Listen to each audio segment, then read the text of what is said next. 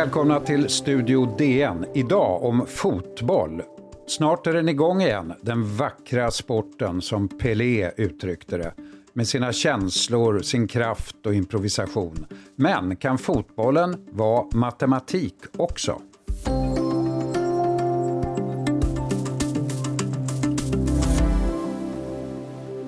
Ja, när den svenska fotbollen nu är på väg att starta seriespelet efter två månaders coronaförsening finns det en del som tittar på spelet med särskilda ögon.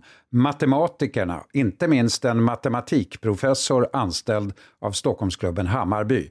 Välkommen Marina Johansson som har skrivit om den här intressanta utvecklingen. Tack så mycket. Men allra först Malena, när spelet nu snart börjar igen Tror du att publikens intresse är ännu större än tidigare? Jag tror att det finns väldigt många som längtar efter att se fotboll. Eh, samtidigt så är det ju så att den fotboll som vi pratar om kan komma igång blir fotboll utan publik. Och det är såklart att det, det är inte samma sak. Och det kommer nog att dröja lång tid innan man får gå på fotboll igen. Så det, är, det är dubbelt såklart. Hur känner du själv? Är ditt intresse på topp? Eh, som sportjournalist så tycker jag att det finns, har funnits hela den här tiden eh, mycket att eh, gräva i och titta på och rapportera om. Så att, eh, eh men det är ju såklart roligt att, att, eh, att det händer saker, att det kommer igång matcher också. Men det, fotbollen blir ju inte direkt ointressant av till exempel din berättelse om det här med hur matematik och fotboll hör ihop i Hammarby. Hur, Malena, börjar matten egentligen smygas in i Bayern av alla klubbar? Ja, de fick ju upp ögonen för då eh, David Sumter som skrev en bok om det här med fotboll och matematik. Eh, och det fanns ett intresse för det i Hammarby och de kontaktade honom och på den vägen är det. Sen så skulle jag väl säga att grunden i det här är ju att många fotbollsklubbar i och med den här fot, eh, publiksuccén som har varit i, i herrallsvenskan på senare år så har man fått större resurser och klubbarna har möjlighet att professionalisera sig och bygga sina organisationer helt enkelt och optimera sina, hur man organiserar sin verksamhet. Och det här är ju en del av det. Men nog är det ändå lite speciellt att det är just Hammarby som gör det här, en klubb som kanske bygger mer på känslor och attityd än många andra svenska klubbar. Ja, men när jag pratade med Hammarby så det är ju någonting som de är väldigt medvetna om och som de, så jag tror att de tänker väldigt mycket på. Att de har, man har ju en identitet och Hammarby har ju en tydlig identitet som klubb och som kanske, eh, det är ju klassiskt det här man säger att skit i tabellen, Bayern är bäst ändå. Och det finns en förlorare, det finns en, eh, man romantiserar förlorandet helt enkelt. Så mm bara det faktum att Hammarby har börjat vinna mycket mer på senare tid har ju på något vis eh, kan gå emot lite den, den, identitet som de har faktiskt, vilket ju kan, kan låta paradoxalt. Men eh, sen så kan man ju säga också att eh, de har ju valt en viss stil att spela på eh, Hammarby-sättet helt enkelt, som ska vara eh, en fotboll som är offensiv och underhållande att se på. Så att, eh, det är inte så att de eh, väljer den mest effektiva vägen nödvändigtvis bara för att de jobbar på det här sättet. Hur du har ju talat med spelarna och med tränaren Stefan Billborn. Hur, hur har de tagit emot det här att en matteprofessor kommer och lägger sig i fotbollen? Ja, jag pratar med några spelare och de, eh, jag tror att några kanske är de intresserar sig inte så mycket. Andra spelare är väldigt intresserade av de liksom, teoretiska delarna av fotbollen. Men eh, jag tror att de uppskattar, uppskattar det här spelen och det går ju ut mycket på att de får diskutera sättet som de spelar på och de får, blir mer medvetna om vad de gör egentligen. Och sen så säger de också att det är inte för mycket, har jag hört från dem. Så att de, eh, de vill kanske inte ha alldeles för mycket av det här. Och sen, ja, vad gäller tränaren så är det ju, det är klart att det, det handlar ju lite om att gå in på, på tränarens domäner såklart. Men ge några konkreta exempel. Vad, vad är det man mäter och vad är det man kan förbättra och se via matten och statistiken?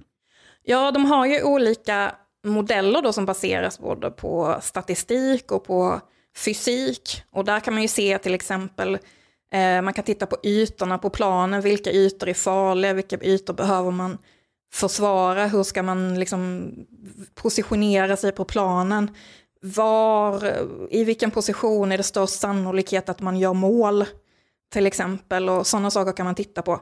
Sen är ju scouting en stor del, att man kan titta på hur spelare presterar och kan få tillgång till statistik över i princip all, alla spelare i hela världen, kan man nästan säga, och, och jämföra dem enligt olika kriterier och sådär. Så det finns ju olika användningsområden. Och det är pass probability, pass impact, pitch control, vad är det? Ja, precis. Det är de här tre olika modellerna som Hammarby, det är ju en, eh, de har man ju heltidsanställt nu, en eh, fysiker som heter Fran Peralta som är eh, spanjor som jobbar med det här nu i Hammarby. Och han tillsammans med Barcelonas eh, analytiker faktiskt har utverkat de här modellerna. Och det är ju olika sätt som, som man kan se på fotboll helt enkelt. Just hur sannolikt är det att en viss passning går fram? Men det talas ju ofta i fotboll om real fotboll, men Stefan Billborn i, i Bayern är väl möjligen en av dem. De håller inte direkt på med matte. Så här säger han om allt. Frågan är vad man gör med all information. Jag vet inte hur många beslut en spelare tar per match, men det är väl något tusen beslut per match. Och, sånt där. och det är svårt att, att äh, sätta i, i relation till eh, kanske till en data eller till en, till en, äh, en dataanalys på, på en skärm eller på ett papper. Liksom. Vi, som, vi som jobbar runt omkring också, vi, vi ska nog kanske, vad ska jag säga, jag tror att det kan få över, få, få en, en över svårt. Alltså, det kan bli för mycket. Så själva hantverket liksom. Ja, han är ju lite kluven, Stefan Billborn, onekligen. När vi kommer tillbaka ska vi tala mer om hur matematik och statistik sprider sig i fotbolls och idrottsvärlden.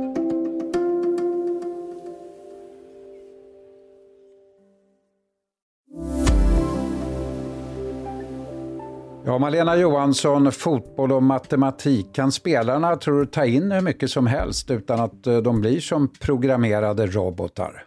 Jag tror att eh, Stefan Billborn eh, säger ju, han uppskattar ju väldigt mycket just den här delen att man utbildar spelarna och han säger att när, om han står och skriker vid sidlinjen, det är så mycket, det är så mycket ljud så att det, det når ju inte fram. Han vill gärna att spelarna ska utvecklas och bli mer, mer medvetna om vad de gör så att de kan ta aktiva beslut själva ute på planen. Eh, så att jag, eh, och det har spelarna också sagt att de har, de har fått hjälp i vissa situationer och fått upp de här bilderna som de har visat av de här dataanalyserna. Så, där. så att, eh, jag tror absolut att spelarna, spelarna kan, kan ta in mer.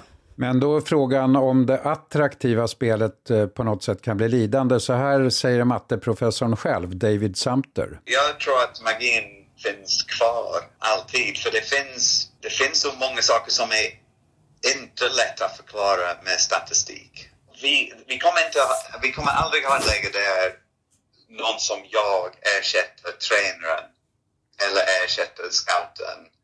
För delvis den här mänskliga beslut eller de saker som man ser som en människa är lika viktig eller kanske ännu mer viktig än statistik. Är det några andra klubbar, Mariana, än Hammarby i Sverige som håller på med det här? Inte på i den här formen skulle jag säga att Hammarby är väldigt långt ifrån alla andra svenska klubbar. Jag tror att man, det är klart att det är inne med det här med data och jag tror att klubbar använder, det finns program som man använder för att scouta spelare och så vidare. Men jag vet att David Sumter berättade, de har varit på mässor och sådär internationellt så, så kommer klubbar fram, Milan kommer fram till exempel och den typen av klubbar kommer fram till dem och frågar hur de jobbar och sådär. Så att Hammarby ligger väldigt långt fram även internationellt. Men annars är det ju då Liverpool som eh, ligger i, för, i framkant här vad jag förstår. De gjorde ju succé förra året och även i år före coronakrisen med hjälp av just de här metoderna. Ja, precis. Det är ju klart att det går aldrig säga, det är lite paradoxalt att det går aldrig bevisa Eh, med data, om det är datan som har gjort en, en klubb framgångsrik såklart. Eh, det, går ju liksom, det finns ingen vetenskaplig metod riktigt som kan bevisa det. Eh, så att, eh, om man, ska, man vet ju inte om det är datan som har gjort det eller inte, men det är klart att när en klubb är så framgångsrik som Liverpool kanske är en av de allra mest framgångsrika klubbarna just nu, eller den mest framgångsrika, när de ligger så pass långt framme också med det här med dataanalys så är det klart att det ser ju andra klubbar och man vill, man vill gärna göra samma sak. Tillbaka till Hammarby då, hur räknar de med att matematiken ska påverka framgångarna? De har ju bara vunnit SM-guld en gång faktiskt, 2001, sedan de bildades 1915. Ja, alltså det här är ju såklart en del i att de vill på lång sikt förbättra hela sin organisation och det syftar ju såklart till att de, att de ska vinna. Så det här är, är ju en del i det. Eh, och de ser ju det här som ett sätt att konkurrera helt enkelt, att man med relativt eh, små medel ändå, att Hammarby kan konkurrera och bli bra på det här, även i förhållande till, till eh, andra europeiska klubbar. De vill gärna vinna trots sin förlorarromantik alltså. Mm. Du eh, Malena, när den nya fotbollssäsongen kommer igång, tror du att det här kommer att märkas på något sätt med matematiken och statistiken? Det är, ju, det är ju väldigt svårt att säga. jag tror att om man skulle fråga Stefan Billborn så skulle han säga att det, skulle, det påverkar nog inte så mycket.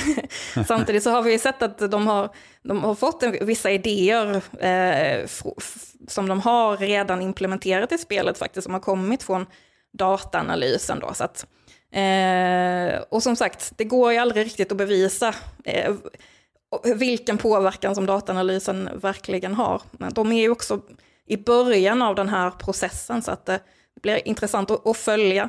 Inför nu den nya säsongen, det har talats en del om fotbollen och särbehandlas den eh, jämfört med andra sporter när det gäller att komma igång och starta?